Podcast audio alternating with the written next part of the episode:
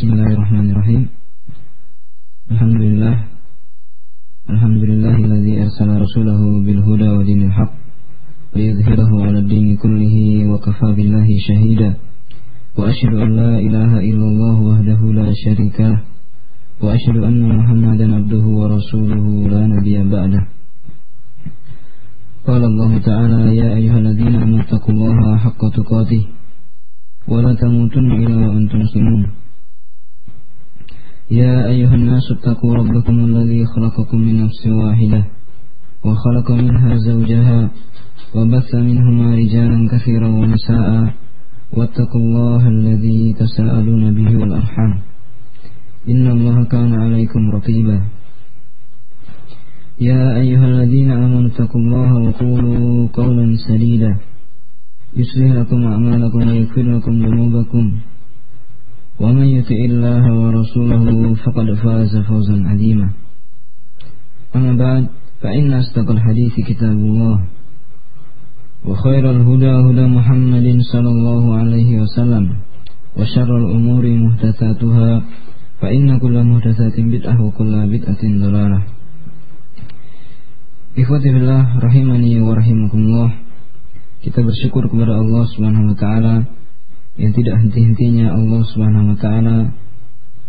Sampai detik ini Allah Subhanahu wa taala masih memberikan kepada kita nikmatul Islam. Itu nikmat yang sangat besar yang hanya diberikan oleh Allah Subhanahu wa taala kepada sebagian hamba-hambanya, itu hamba-hambanya yang tunduk kepada syariatnya. Ikhwatifullah rahimani wa rahimakumullah. Pada kesempatan yang berbahagia ini InsyaAllah ta'ala kita akan memulai Pembahasan mengenai Tafsir sebuah surat yang sangat agung Yaitu suratul fatihah. Surat al-fatihah Yang insyaAllah ta'ala Kita semua telah menghafalnya. Dan Setiap hari kaum muslimin Membaca surat ini di dalam Salat mereka. Bahkan Rasulullah Shallallahu Alaihi Wasallam bersabda, La salata liman lam yaqra bi Fatihatil Kitab. Tidak sah salat seseorang apabila dia tidak membaca Fatihatul Kitab, yaitu surat Al-Fatihah. Maka ikhwatifillah rahimani wa rahimakumullah Hadis ini menunjukkan betapa agungnya kedudukan surat Al-Fatihah bagi salat, di mana salat tidak dinilai sah, tidak dianggap sah apabila tidak dibaca di dalamnya surat Al-Fatihah. Maka ikhwati fillah rahimani wa rahimakumullah pada kesempatan ini insyaallah taala kita akan membaca keterangan mengenai uh, faedah-faedah dari surat Al-Fatihah ini dari sebuah buku kecil yang ditulis oleh Syekh Dr. Saleh bin Fauzan Al-Fauzan Hafizahullah Ta'ala yang membahas tentang uh, faedah-faedah sebagian pelajaran berharga yang bisa kita ambil dari surat yang mulia ini. Ikhwatifullah rahimani wa rahimakumullah Dalam menjelaskan faedah surat Al-Fatihah ini Syekh Saleh bin Fauzan Al-Fauzan Hafizahullah Ta'ala Beliau mengambil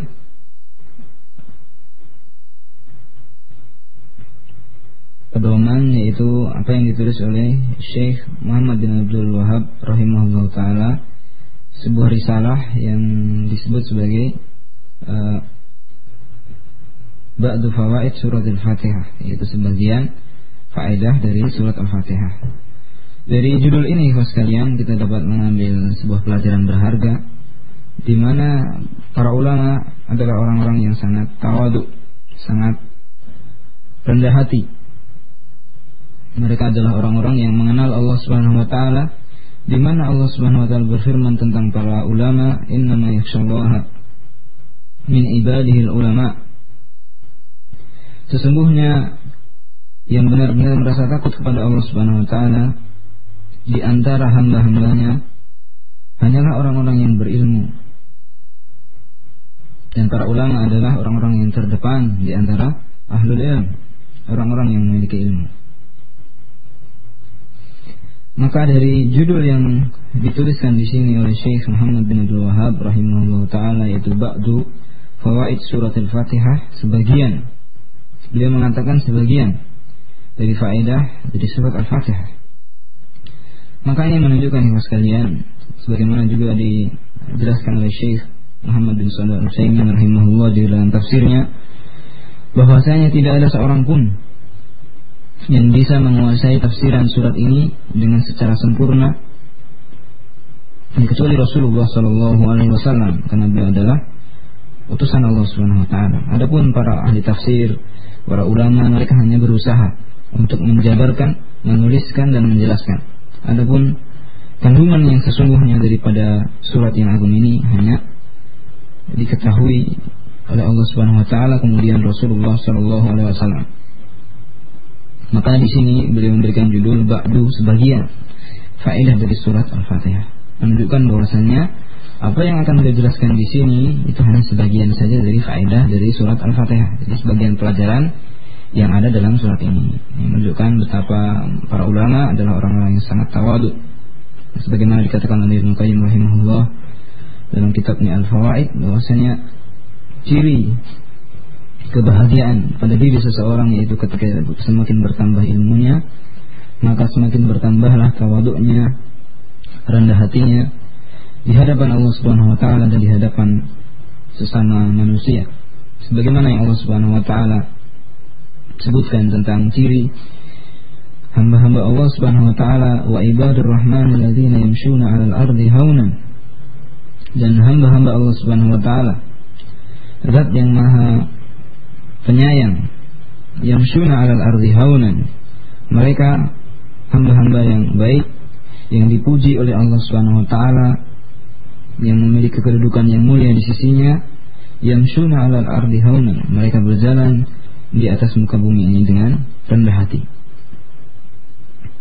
Maka demikianlah di antara ciri para ulama ahlu sunnah wal jamaah.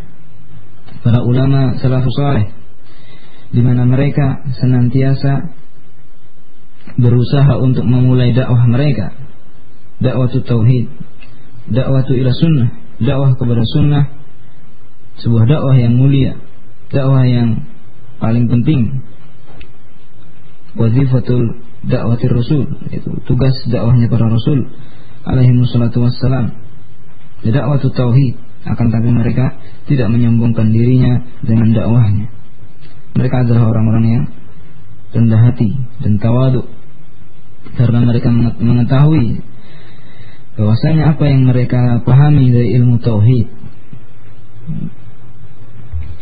yang diajarkan oleh Rasulullah Shallallahu Alaihi Wasallam kepada umatnya belumlah seberapa mereka menyadari bahwasanya untuk mempelajari Al-Quran untuk mengamalkannya seorang tidak hanya butuh pemahaman semata tidak hanya butuh wawasan, akan tapi lebih daripada itu, seorang hamba itu senantiasa membutuhkan Allah Subhanahu wa taala agar mengilhamkan kepada hatinya, kepada dirinya untuk mengamalkan ilmu tersebut. Dan itulah di antara kandungan termulia yang terdapat dalam surat ini yang insya Allah taala nanti kita akan jelaskan uh, satu persatu dari apa yang dijelaskan di sini oleh Syekh Shalih bin Fauzan Al-Fauzan hafizahullah taala. Dijelaskan di sini oleh Syekh Saleh bin Fauzan Al-Fauzan bahwasanya risalah ini itu risalah yang ditulis oleh Syekh Muhammad bin Abdul Wahab ini khusus menjelaskan tentang faedah-faedah surat Al-Fatihah. Ini adalah sebuah surat yang sangat agung. Disebut sebagai surat Al-Fatihah karena mushaf yaitu Al-Qur'an yang mulia itu dibuka dengan surat Al-Fatihah sebagaimana kita semua mengetahui kalau kita membuka mushaf Al-Quran maka surat yang pertama kali kita temukan adalah surat surat Al-Fatihah ya bukan surat yang lainnya. Fahiyya awalu suratin fihi maka surat Al-Fatihah itu adalah surat yang pertama kali yang terdapat di dalam mushaf Al-Quran. Jadi nama yang pertama yang dijelaskan di sini uh, surat Al-Fatihah itu memiliki nama Al-Fatihah. Kemudian nama yang kedua waktu sama bisab'il masani. Al-Fatihah itu juga memiliki nama lain yaitu Asabul Masani yaitu yang artinya adalah e, tujuh ayat yang dibaca berulang-ulang Kenapa dikatakan As-Sab'ul Masani? Dikatakan oleh Syekh Syekh Shalih bin Fauzan Al-Fauzan, "Li'annaha sab'u ayatin." Karena surat ini surat Al-Fatihah itu ada tujuh ayat. Dalil bahwasannya uh, Sab'ul Masani itu merupakan nama lain dari surat Al-Fatihah adalah dari Al-Quran dan demikian juga dari Sunnah Rasulullah Sallallahu Alaihi Wasallam dari Al-Quran bisa kita lihat dalam surat Al-Hijr. Surat Al-Hijr, surat yang ke-15, ayat ke-87. Di mana Allah Subhanahu wa taala berfirman kepada nabinya sallallahu alaihi wasallam, "Wa laqad atainaka sab'an minal masani wal Qur'anil azim." Sungguh kami telah memberikan mengaruniakan kepada engkau wahai Muhammad sab'an minal masani yaitu as-sab'ul masani wal Qur'an al-azim dan Al-Qur'an yang mulia. Apakah yang dimaksud dengan as-sab'ul masani?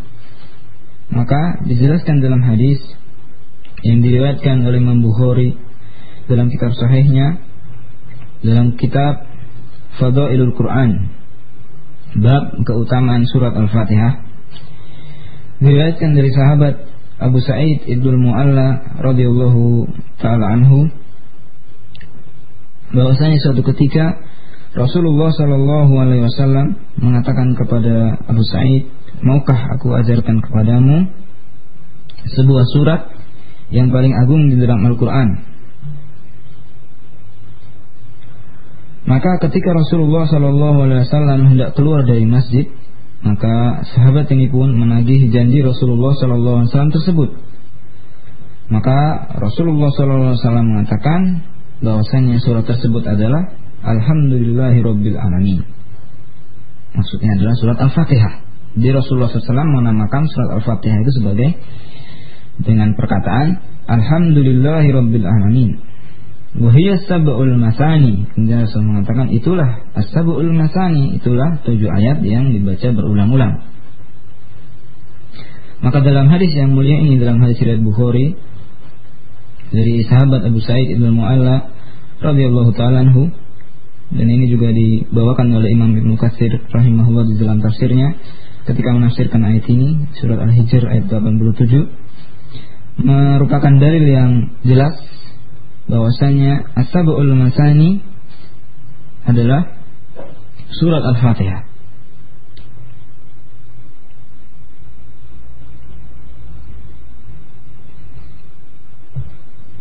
Dan di dalam hadis ini juga terdapat faedah bahwasanya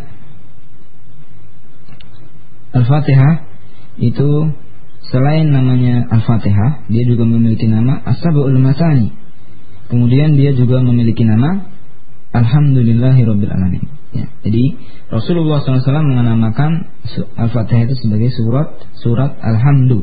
Ya, sebagaimana sebagian para ulama menamakan surat Al-Fatihah ini dengan nama surat Alhamdu. Alhamd yaitu pujian berdasarkan di sini yaitu Rasulullah SAW menyebut surat Al-Fatihah itu adalah Alhamdulillahirabbil alamin. Kemudian dijelaskan di sini di sebagian ini penjelasan ini tidak saya ambilkan dari perkataan Syekh Al-Fauzan. Di sini dijelaskan oleh Syekh Saleh bin Fauzan Al-Fauzan beliau mengatakan uh, surat Al-Fatihah itu disebut Al-Masani Kenapa? Karena dia dibaca berulang-ulang di setiap rakaat di dalam sholat. Ya. Kenapa disebut Al-Masani? Yaitu karena dia dibaca berulang-ulang setiap kali sholat. Jadi kalau setiap kali sholat, ya orang itu hendaknya membaca surat Al-Fatihah. Kemudian yang berikutnya, setelah kita mengetahui beberapa nama surat Al-Fatihah, itu yang pertama tadi Al-Fatihah, kemudian As-Sab'ul Masani, kemudian Alhamdu, dan berikutnya dikatakan oleh Syekh Al-Fauzan bahwasanya uh, Al-Fatihah itu juga memiliki nama Ummul Quran, yaitu induknya Al-Quran. Jadi seolah-olah Al-Quran itu memiliki ibu atau memiliki induk. Ya, induknya itu adalah surat Al-Fatihah. Kenapa disebut sebagai induk Al-Quran? Karena surat Al-Fatihah itu makna-maknanya itu kembali kepada kandungan surat Al-Fatihah ini. Jadi kalau kita kaji, kita renungkan, jadi misalnya seorang itu membaca Al-Quran dari depan sampai akhir dari surat Al-Fatihah sampai surat An-Nas, maka kalau misalnya dirangkum-rangkum, diringkas, ya, perkara-perkara yang sama itu disatukan, yang berbeda dipisahkan, maka secara keseluruhannya kandungan dari surat-surat Al-Quran itu semuanya terkandung di dalam surat Al-Fatihah. Karena um itu dalam bahasa Arab itu maknanya adalah al-aslul ladzi yarji'u ilaihi syai' yaitu sumber yang menjadi rujukan kembalinya segala sesuatu. Ya makanya eh, apa namanya? Misalnya ada di suatu negara ada namanya ibu kota, nah, itu menjadi pusat kegiatan. Itu maka namanya disebut sebagai ibu kota. Maka Al-Qur'an itu ibunya atau induknya adalah surat Al-Fatihah di mana makna-makna yang terdapat dalam ayat-ayat yang lainnya itu kembalinya kepada surat Al-Fatihah. Maka dari faedah ini kos sekalian kita mengetahui betapa pentingnya kita mempelajari makna atau tafsir dari surat Al-Fatihah. Bagaimana tidak, wong setiap hari kita membaca surat Al-Fatihah ini ya minimal 17 kali dalam sholat. Ya, 17 kali di dalam sholat wajib lima waktu. Maka ikhwatifillah rahimani wa rahimakumullah Hal ini juga memberikan pelajaran kepada kita bahwasanya hendaknya kita ketika beribadah kepada Allah Subhanahu wa taala kita harus beribadah di atas ilmu. Kita harus beribadah di atas ilmu. Kenapa demikian? Karena seorang yang tidak beribadah kepada Allah Subhanahu wa taala di atas ilmu maka ibadahnya itu bisa jadi tidak sah, bisa jadi berkurang pahalanya, bisa jadi bahkan berdosa. Tidak sah misalnya seorang beribadah kepada Allah Subhanahu wa taala, seorang sholat, tapi dia tidak membaca surat Al-Fatihah. Ya, maka jelas ini tidak sah, tidak diterima. Dan bisa juga seorang itu beribadah kepada Allah tapi berkurang pahalanya karena tidak ada ilmu pada dirinya. Misalnya orang yang sholat membaca Al-Fatihah, tapi dia tidak paham apa yang terdapat dalam surat Al-Fatihah. Padahal Allah Subhanahu wa taala berfirman dalam ayatnya, "Afala yatadabbarun Al-Qur'an?" Tidakkah mereka mentadaburi merenungkan makna Al-Qur'an? Padahal kita semua tahu bahwasanya umul Quran, induknya Al-Quran itu pada surat Al-Fatihah. Kalau surat Al-Fatihah saja kita tidak paham, bagaimana surat-surat yang lainnya? Maka sangat tepat sekali diletakkannya surat Al-Fatihah ini di depan, di bagian yang paling depan dalam mushaf Al-Quran. Menunjukkan betapa pentingnya kita mempelajari kandungan yang ada di dalamnya. Nanti insya Allah akan kita jelaskan satu persatu. Dan demikian juga seorang yang beribadah kepada Allah Subhanahu wa taala tanpa ilmu maka bisa jadi dia terjerumus dalam dosa. Sebagaimana orang yang misalnya menjadikan bacaan surat Al-Fatihah untuk dihadiahkan kepada orang-orang yang sudah meninggal. Atau dia jadikan bacaan surat Al-Fatihah itu sebagai permulaan bagi setiap acara yang mereka lakukan. Sebagaimana dijelaskan oleh Syekh Muhammad bin Shalih Al-Utsaimin dalam tafsirnya dalam surat Al-Fatihah yaitu sebagian orang memiliki kebiasaan yang keliru di mana setiap kali ada memulai apa namanya acara misalnya pengajian atau maka, maka setiap kali diadakan acara tersebut maka dibacakan surat Al-Fatihah maka ini tidak tepat ya. Surat Al-Fatihah jelas bagian dari Al-Quran. Barang siapa yang baca ayat Al-Quran man qara'a harfan fi kitabillah falahu bihi hasanatun wal hasanatu bi asyri amsalihah Barang siapa yang membaca satu huruf dari Al-Quran Maka dia mendapatkan satu kebaikan Dan satu kebaikan dilipat gandakan sepuluh kali lipat pahalanya. Namun bukan berarti seorang itu boleh membaca surat Al-Fatihah ini Di kapan saja Tanpa ada mengikuti tuntunan dan contoh dari Rasulullah SAW Padahal Allah Subhanahu Wa Taala Ikhwas kalian rahimani wa Allah telah memerintahkan kepada Nabi Muhammad SAW agar mengatakan kepada umatnya Kul katakan wahai Muhammad kepada umatmu, in kuntum tuhibbunallah, jika kalian benar-benar mencintai Allah, mencintai Al-Qur'an, mencintai surat Al-Fatihah, fattabi'uni. Maka ikutilah aku, ikutilah Rasulullah sallallahu alaihi wasallam. Bagaimana Rasulullah mengajarkan kepada kita dalam memahami Al-Qur'an, mengajarkan kepada kita bagaimana mengamalkan ajaran-ajaran Al-Quran? Bagaimana membaca surat Al-Fatihah? Apakah setiap kali ada pertemuan kemudian dibacakan surat Al-Fatihah maka yang demikian itu tidak kita jumpai dalam sunnah Rasulullah Sallallahu Alaihi Wasallam. Maka ikhwas sekalian penting sekali bagi seorang mukmin untuk apa? Memiliki perhatian dalam masalah ilmu masalah ilmu karena ilmu itu merupakan sebab kebaikan. Sampai-sampai dikatakan oleh Ibnu Qayyim rahimahullah dalam kitabnya Miftah dari Sa'adah yang diambil secara khusus bagian tentang ilmu oleh Syekh Ali bin Hasan Hafizahullah Ta'ala dalam sebuah kitab yang dia beri nama Al-Ilmu Fadluhu wa Syarafuhu Ibnu Qayyim rahimahullah mengatakan bahwasannya segala sifat-sifat yang terpuji yang ada di dalam Al-Quran maka itu sumbernya adalah ilmu karena orang itu memiliki ilmu Kenapa dipuji seseorang itu? Karena sumbernya adalah ilmu. Yarfa'illahu alladhina amanu minkum utul ilma darajat. Allah akan mengangkat orang-orang yang beriman di antara kalian dan orang yang diberikan ilmu beberapa derajat. Maka orang yang berilmu itu terpuji, lebih terpuji daripada orang yang tidak berilmu. Demikian juga anjing. Anjing yang berilmu artinya dia terlatih untuk memburu buruannya. Itu dipuji oleh Allah Subhanahu wa taala, ditinggikan derajatnya daripada anjing yang tidak terlatih untuk memburu. Maka ikhwatillah rahimani wa rahimakumullah Ilmu itu merupakan sumber kebaikan sebagaimana yang dikatakan oleh Rasulullah sallallahu alaihi wasallam, "May yuridillahu bihi khairan yufaqqih fid din." Barang siapa yang dikehendaki baik oleh Allah, maka Allah akan pahamkan dalam masalah ad-din, dalam masalah agama. Jadi, nilai seseorang itu letaknya di mana kepahamannya terhadap agama. Tapi satu hal yang perlu kita luruskan Ibu sekalian, Kepahaman dalam masalah agama itu tidak sekedar tidak sekedar letaknya adalah dalam masalah wawasan. Maksudnya itu ketika seorang mengetahui bahwasannya ini benar, ini salah, ya sekedar jadi wawasan saja, ini wajib, ini sunnah, ini haram, ini makruh, akan tetapi pengetahuannya hanya menjadi wawasan belaka. Tidak ubahnya sebagaimana komputer yang menyimpan data-data maka yang semacam ini sekalian bukan ilmu yang nafik, bukan ilmu yang bermanfaat, bukan faham namanya. Demikian juga yang namanya ilmu sekalian kepahaman dalam masalah din yang Rasulullah mengatakan mayuridillahu bi khairan yufaqihu fid din. Al fiqhu fid din bukan sekedar banyaknya hafalan atau kuatnya hafalan.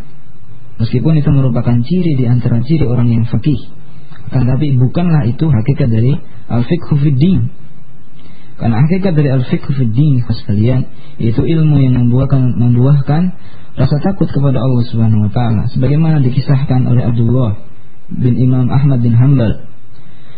Ketika dia bertanya kepada ayahnya yaitu Imam Ahmad bin Hanbal tentang seorang ulama atau seorang tokoh. Tentang seorang tokoh ini namanya saya agak lupa. Ma'ruf Al-Qurfi kalau tidak salah maka ditanyakan kepada Imam Ahmad oleh anaknya itu Abdullah bin Imam Ahmad tentang orang tersebut. Wahai bapakku, apakah orang ini memiliki ilmu? Maka dikatakan oleh Imam Ahmad rahimahullah taala Imam Ahlu Sunnah wal Jamaah beliau mengatakan ya bunaya wahai anakku semuanya dia memiliki aslul ilmi itu pokok sumber dari ilmu yaitu khasyatullah rasa takut kepada Allah subhanahu wa taala maka ikhlas sekalian afikhu fiddin Kepahaman dalam masalah agama itu adalah kepahaman yang membuahkan rasa takut seorang hamba kepada Allah Subhanahu wa taala. Itulah ciri orang-orang yang berilmu. Maka Allah Subhanahu wa taala ketika menceritakan karakter sifat para ulama Allah mengatakan innama yakhsyallaha min ibadihil ulama. Orang-orang yang berilmu adalah yang memiliki memiliki rasa takut kepada Allah Subhanahu wa taala. Oleh karena itu sekalian nanti akan kita dapatkan makna yang lebih dalam tentang masalah ini dalam surat Al-Fatihah ini insyaallah taala. Kemudian dijelaskan di sini oleh Syekh Shalih Al-Fauzan, Al-Fauzan rahimahullah taala di antara nama dari surat Al-Fatihah yaitu As-Salah. Yaitu As-Salah. Itu surat Al-Fatihah disebut sebagai As-Salah. Dalilnya apa? Dalilnya adalah sabda Nabi Shallallahu Alaihi Wasallam dalam hadis yang diriwayatkan oleh Muslim dari sahabat Abu Hurairah radhiyallahu taala anhu dalam sebuah hadis yang biasa dikenal sebagai hadis kutsi atau sebagian ulama mengatakan lebih tepat dikatakan sebagai hadis ilahi ini hadis yang di mana di situ Rasulullah SAW menyebutkan firman Allah Subhanahu Wa Taala, namun hal ini tidak dicantumkan dalam ayat Al-Quran. Ya. Dan membacanya tidak sebagaimana membaca Al-Quran. Kalau orang membaca Al-Quran, maka dia mangkor harfan min kitabillah falau hasanah. Pahalanya demikian. Kalau dia membaca satu huruf, maka pahalanya satu kebaikan dan satu kebaikan dilipat gandakan sepuluh kali lipat. Adapun hadis kutsi, maka tidak demikian. Ya pahalanya ya karena seorang menuntut ilmu atau mengajarkannya. Maka itu pahala ketika seorang membaca hadis kutsi.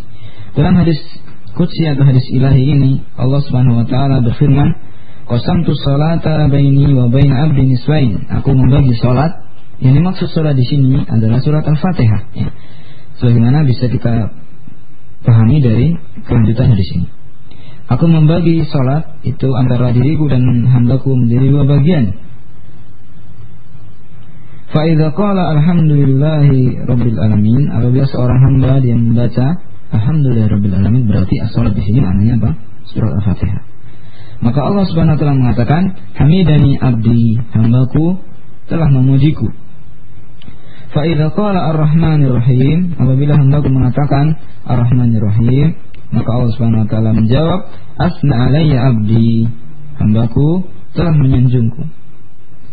Wa idza qala Malik Yaumiddin apabila hambaku mengatakan Malik Yaumiddin maka Allah Subhanahu wa taala menjawab Majjadani abdi. Hambaku telah memuliakanku. Fa idza qala apabila hambaku mengatakan iyyaka na'budu wa iyyaka nasta'in maka Allah Subhanahu wa taala mengatakan hadza baini wa bain abdi. Inilah sebuah ayat di mana separuhnya adalah hakku dan separuhnya adalah hak hambaku. Wali abdi ma sa'alah dan hambaku berhak mendapatkan apa yang dia minta yaitu permintaan sesudah ia karena berdua ia stain apa permintaan kita?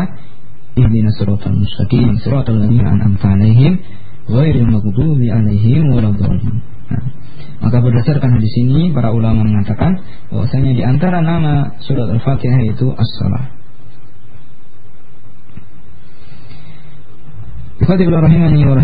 dan surat Al-Fatihah ini terdiri dari tujuh ayat ya, dengan kesepakatan para ulama. Dan berdasarkan hadis yang kita sebutkan tadi, Allah Subhanahu Wa Taala membagi tujuh ayat ini menjadi dua bagian. Tujuh dibagi dua berarti tiga setengah, ya kan? Berarti tujuh bagi dua tiga setengah, berarti tiga ayat plus setengah ayat itu adalah berbicara tentang hak-hak Allah Subhanahu Wa Taala Ya. Kemudian tiga ayat plus setengah ayat itu berbicara tentang hak atau apa yang akan didapatkan oleh seorang hamba. Maka dari manakah pertengahannya, ibu sekalian? Maka berdasarkan hadis yang kita sebutkan tadi, bahwasanya tengah-tengahnya adalah dalam firman Allah Subhanahu Wa Taala, ia kena budu wa ia kena stain. Kenapa? Karena Allah mengatakan, hadza baini wa bain abdi. Inilah antara diriku dan hambaku. Ya separuhnya ini adalah ia karena budu itu hak Allah Subhanahu wa taala itu beribadah. Wa ia karena stain dan meminta pertolongan itu adalah hak hamba, ya. Sampai akhir surat maka itu adalah apa namanya tiga setengah ayat yang terakhir. Adapun tiga setengah ayat yang pertama itu adalah dari sebagaimana berdasarkan hadis ini Syekh Muhammad bin Saudara mengatakan bahwasanya ayat yang pertama adalah Alhamdulillahirabbil alamin.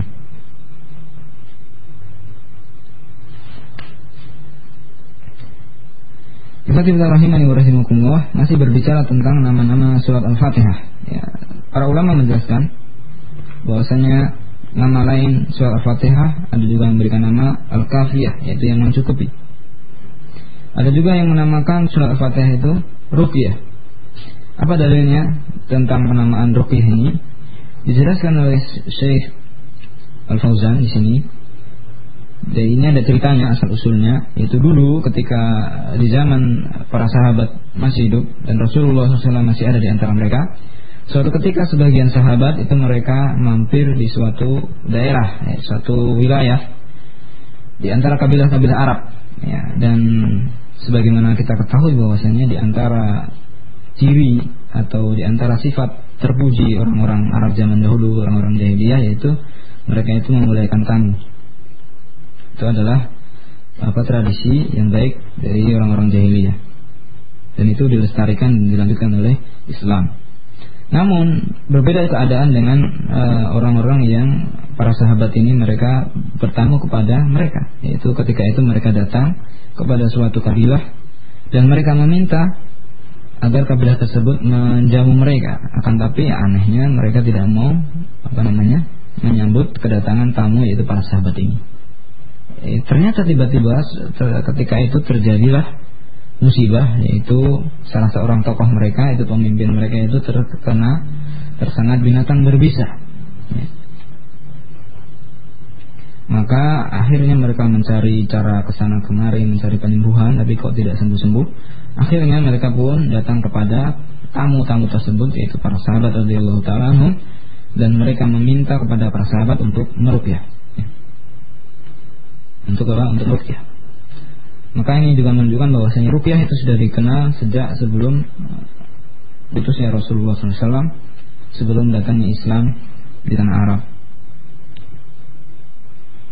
Maka salah seorang sahabat mengatakan kepada mereka, ya kami mau merupiah, ya akan tapi ada syaratnya. Ya syaratnya adalah ya kalian mau memberikan imbalan atas rupiah yang kami lakukan. Jadi ada salah seorang di antara mereka mengatakan kami mau merupiah tapi ada syaratnya itu memberikan imbalan. Itu ada imbalannya. Yaitu apa? Supaya uh, suku tersebut itu mau menghidangkan kepada mereka. Koti minal ghanam yaitu sepotong apa namanya uh, daging dari daging kambing. Jadi mereka minta disembelihkan kambing itu biar apa? Karena sahabatnya para sahabat ketika itu apa kehabisan bekal dan mereka minta untuk dijamu maka akhirnya ketika mereka telah menerima syarat tersebut Maka dibacakan surat Al-Fatihah ya. Akhirnya pesan pemimpin yang tadinya sakit Gara-gara tersengat binatang berbisa Itu tiba-tiba menjadi sembuh ya. Seolah-olah dia itu lepas dari jeratan tali gitu. Maka ini menunjukkan bahwasanya Rukyah itu merupakan salah satu cara penyembuhan yang manjur ya. dan kemudian apa namanya rupiah ini juga diperbolehkan oleh syariat apa dalilnya dalilnya itu ketika mereka para sahabat ini pulang bertemu dengan Nabi Shallallahu Alaihi Wasallam maka mereka pun menceritakan ini menunjukkan bahwasanya apa e, ketika ceritanya mereka itu tidak mau makan dari daging tersebut sampai mereka bertemu dengan Nabi Shallallahu Alaihi Wasallam ya. maka mereka pulang dengan membawa daging Kenapa? Mereka khawatir kalau mereka makan daging ini tuh nggak boleh aslinya gitu. Maka mereka datang kepada Nabi untuk bertanya, boleh nggak makan ini kan gitu? Karena kami tadi merupiah dengan syarat ada imbalan dagingnya. Nah, boleh tidak? Nah, maka mereka pun pulang menunjukkan betapa mereka itu adalah orang-orang yang sangat warok. Para sahabat adalah orang-orang yang sangat berhati-hati, takut terjerumus dalam perkara yang haram. Maka mereka pun bertanya kepada Nabi Shallallahu Alaihi Wasallam. Mereka menceritakan apa yang mereka alami dan mereka lakukan. Faqala maka Rasulullah SAW mengatakan wa ma adraka dalam buku ini dikatakan wa ma adraka dalam hadis dikatakan wa ma yudrika. Dari mana kamu tahu bahwasanya uh, surat Al-Fatihah itu adalah ruqyah, yaitu mantra. Maka berdasarkan di sini Al-Fatihah disebut ruqyah. Jadi di sini Rasulullah SAW mengakui yang disebut sebagai takrir dalam ilmu hadis. Ya, dalam ilmu hadis kita mengenal bahwasanya hadis Nabi SAW itu ada beberapa macam. Ada yang berupa perkataan, ya, ada yang seperti misalnya Rasulullah mengatakan Sallu kama ra'aitumuni usolli. Salatlah kalian sebagaimana kalian melihat aku salat Itu namanya sunnah berupa kauliyah Ada sunnah Nabi itu berupa e, perbuatan. Misalnya Rasulullah SAW memiliki kebiasaan ya Apabila Apa namanya Rasulullah SAW itu namanya bersuci atau menyisir rambut maka beliau memulai dengan sebelah kanan. Sebagaimana dikatakan oleh Aisyah radhiyallahu taala dalam hadis yang sahih. Maka itu namanya sunnah fi'liyah. Ada juga namanya sunnah takriyah. Jenis yang ketiga yaitu hadis Nabi SAW yang isinya adalah persetujuan Nabi terhadap perbuatan sebagian sahabat. Ya. Seperti misalnya dalam hadis ini diceritakan bahwasanya e, para sahabat merukyah dan mereka meminta syarat agar diberikan imbalan berupa makanan Dan akhirnya Rasulullah SAW mengatakan, "Wa ma adraka anha ruqyah." Dan di kalau kita perhatikan dalam hadis ini kelengkapannya dalam kitab-kitab hadis, maka dikatakan di situ bahwa Rasulullah SAW mengatakan yang artinya dan berikanlah kepada saya bagian dari daging tersebut. Artinya Rasulullah uh, ingin makan juga. Ini menunjukkan bahwasanya boleh memakan daging yang diberikan oleh orang yang meminta dirupiah sebagai imbalan atas rupiah tersebut. Maka ini menunjukkan bahwa sekalian tentang uh, apa namanya boleh bolehnya merupiah, bolehnya meminta rupiah meskipun dalam masalah meminta rupiah ini ada pembahasannya bahwasanya seorang yang meminta rukyah maka dia tidak akan mendapatkan kesempurnaan tawakal yang bisa menyelamatkannya yang bisa menyebabkannya masuk surga tanpa hisab dan tanpa adab insya Allah akan datang penjelasannya nanti. Dan hadis ini juga menunjukkan sebagaimana tadi kita sampaikan bahwasanya e, surat al-fatihah itu disebut juga sebagai rukyah. Maka apabila kita cermati sekalian bagi banyak nama yang dimiliki oleh surat al-fatihah itu menunjukkan bahwasanya surat ini adalah surat yang sangat mulia. Jadi demikianlah memang tarikoh Allah Subhanahu wa taala dan Nabi sallallahu alaihi wasallam untuk menyebutkan sesuatu yang penting, sesuatu yang sangat berharga, yang tinggi nilainya. Di antara caranya atau sangat penting itu adalah dengan memberikan nama yang bervariasi untuk satu perkara. Apa contohnya? Misalnya Allah Subhanahu wa taala menyebut hari kiamat itu dengan banyak nama. Allah Subhanahu wa taala menyebut hari kiamat sebagai as-sa'ah. Allah Subhanahu wa taala menyebut hari kiamat sebagai al-qari'ah. Dan banyak nama tentang yang menunjukkan hari kiamat, mau menunjukkan betapa pentingnya atau betapa besarnya hal itu dalam syariat Islam atau dalam agama Islam. Maka ketika kita mengetahui bahwasanya surat Al-Fatihah ini memiliki banyak nama, ada tadi namanya adalah Al-Fatihah, kemudian eh, namanya juga Umul Quran, kemudian namanya yang lain yaitu misalnya Asabul Masani kemudian Alhamdulillah, kemudian nama-nama yang lain maka menunjukkan betapa pentingnya surat Al-Fatihah. Maka dikatakan di sini oleh Syekh Surat Al-Fauzan, wahia suratun azimah. Nah, surat yang surat yang sangat agung yang menunjukkan keagungannya bahwasanya Allah Subhanahu wa taala menjadikan membaca surat Al-Fatihah itu adalah rukun. Jadi membaca surat Al-Fatihah itu adalah rukun salat. Artinya kalau orang itu salat dan dia bisa membaca surat Al-Fatihah dan dia tidak membaca surat Al-Fatihah, maka salatnya tidak sah. Dan juga surat Al-Fatihah ini diulang-ulang dibaca di setiap kali sholat. Maka ini menunjukkan betapa agungnya surat ini. Ya. Dan surat ini mengandung makna-makna yang mulia dan agung di antaranya adalah tentang masalah tauhid. Ya. Tentang masalah apa tauhid. Sebagaimana kita ketahui bahwasanya Masalah tauhid adalah masalah yang paling penting yang harus dipahami oleh seorang muslim. Kenapa demikian? Karena Allah Subhanahu wa taala ibu sekalian tidaklah menciptakan alam dunia ini, menurunkan kitab-kitab, mengutus para rasul, menciptakan jin dan manusia kecuali untuk satu tujuan saja. Kecuali untuk satu tujuan saja yaitu supaya umat manusia bertauhid. Allah taala berfirman dalam surat Az-Zariyat ayat 56, "Wa ma khalaqtul jinna wal insa illa liya'budun." Tidaklah aku ciptakan jin dan manusia kecuali supaya mereka beribadah kepadaku. Artinya kecuali untuk aku perintahkan dan aku larang.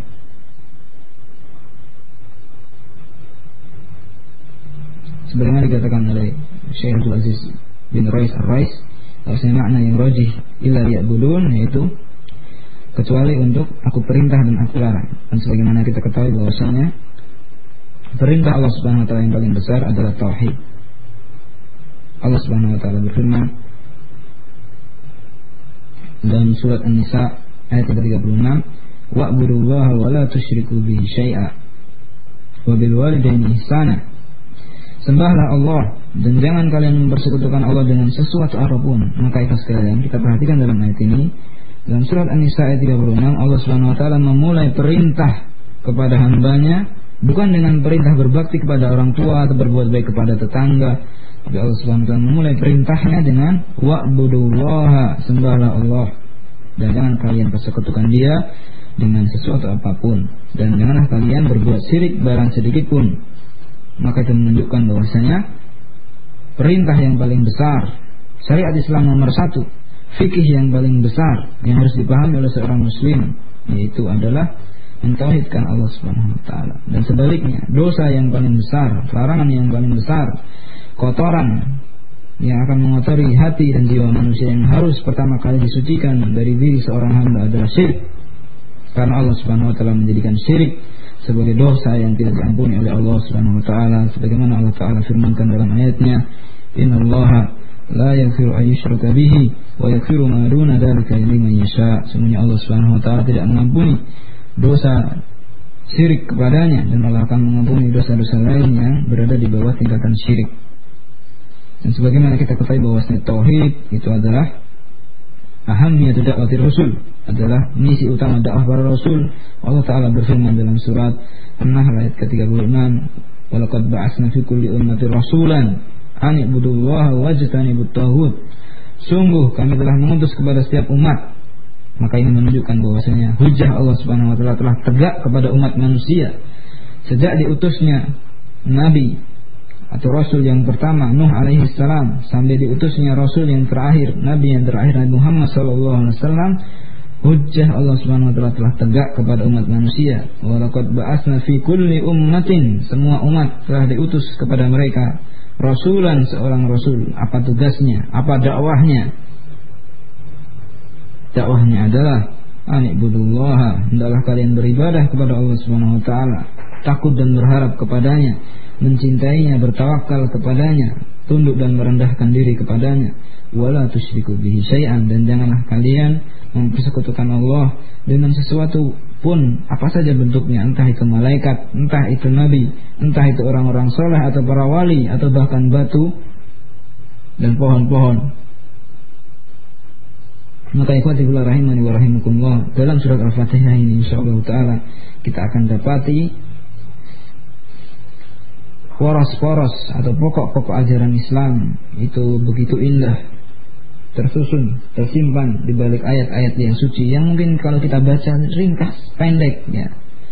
Ringan, dihafalkan juga mudah, akan tapi kalau kita perhatikan kandungan maknanya adalah kandungan makna yang sangat dalam, yang sangat penting, yang sangat mulia yang tidak selayaknya seorang muslim yang menginginkan kebahagiaan hidup di dunia dan di akhirat kemudian dia melalaikan mempelajari kandungan dari surat ini yaitu surat Al-Fatihah.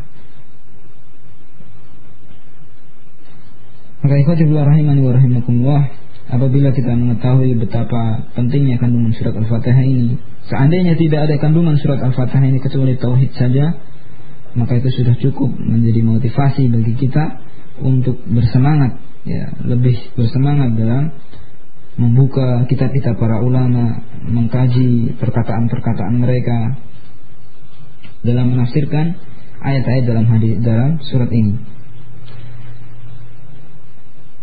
Bagaimana tidak sedangkan surat ini surat Al-Fatihah itu merupakan apa? Bagaimana tadi kita katakan Ummul Quran, yaitu induknya ayat-ayat Al-Quran. Ayat Al-Quran yang 6000 ayat lebih itu semuanya kembali kepada tujuh ayat yaitu surat Al-Fatihah. Bukan tentunya itu bukan sesuatu yang sepele, bukan sesuatu yang bisa diremehkan. Oleh karena itu sangatlah wajar apabila Allah Subhanahu wa taala mengajarkan kepada hamba-hambanya untuk berdoa, untuk membaca surat ini yang di dalamnya terdapat doa yang paling agung, doa yang paling mulia bagi seorang hamba yang akan menentukan kehidupannya, kebahagiaannya di dunia maupun di akhirat. Nanti insya Allah taala akan kita jelaskan. Maka ikhwatul rahimani wa rahimakumullah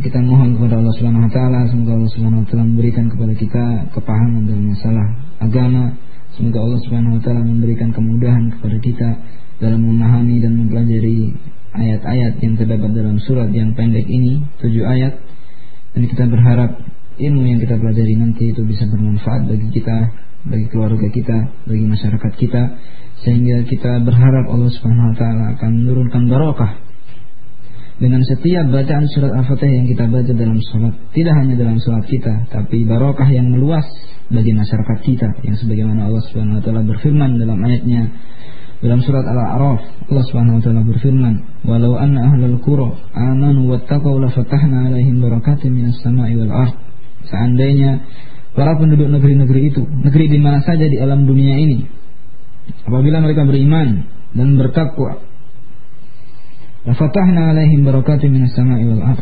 maka niscaya Allah Subhanahu wa taala akan membukakan bagi mereka al-barakah yaitu kebaikan yang banyak minas sama'i wal ard tidak hanya dari dalam bumi bahkan dari atas langit maka ikhwati fillah rahimani wa rahimakumullah maka dari sini kita mengetahui betapa pentingnya kita menuntut ilmu agama mempelajari Al-Qur'an mempelajari hadis-hadis Nabi sallallahu alaihi wasallam dan juga kita patut pahami bahwasanya untuk mempelajari tafsir Al-Quran tidak boleh seorang itu hanya mengandalkan kepada akal atau ra'yunya. Oleh karena itu, kawan sekalian, uh, ada satu faedah yang sangat berharga ketika Ali bin Abi Thalib radhiyallahu taala mengutus Abdullah ibnu Abbas untuk mendebat ribuan orang Khawarij. Akhirnya mereka bertobat. Maka Ali bin Abi Thalib mengatakan debatlah mereka dengan sunnah. Debatlah mereka dengan sunnah. Karena ahli sunnah yaitu ahlul hadis orang-orang yang mempelajari hadis-hadis Nabi SAW itu adalah orang yang paling paham tentang Al-Quran Tidakkah kita mendengar perkataan Aisyah ketika ditanya tentang akhlak Nabi SAW Nabi, Aisyah mengatakan karena khulukul Quran. Akhlak Nabi itu adalah Al-Quran. Artinya semua perbuatan Nabi, perkataan beliau, perintah dan larangan beliau Apa yang beliau cintai, apa yang beliau benci maka semuanya mencerminkan ajaran-ajaran yang ada dalam Al-Quran. Oleh karena itu sebagian ulama saraf mereka mengatakan al malaikat hurasus sama wa ahlul hadis hum hurasul am qala rahimahullah. Mereka mengatakan para malaikat itu adalah penjaga-penjaga di langit. Itu di langit ada penjaganya, yaitu siapa? Para malaikat.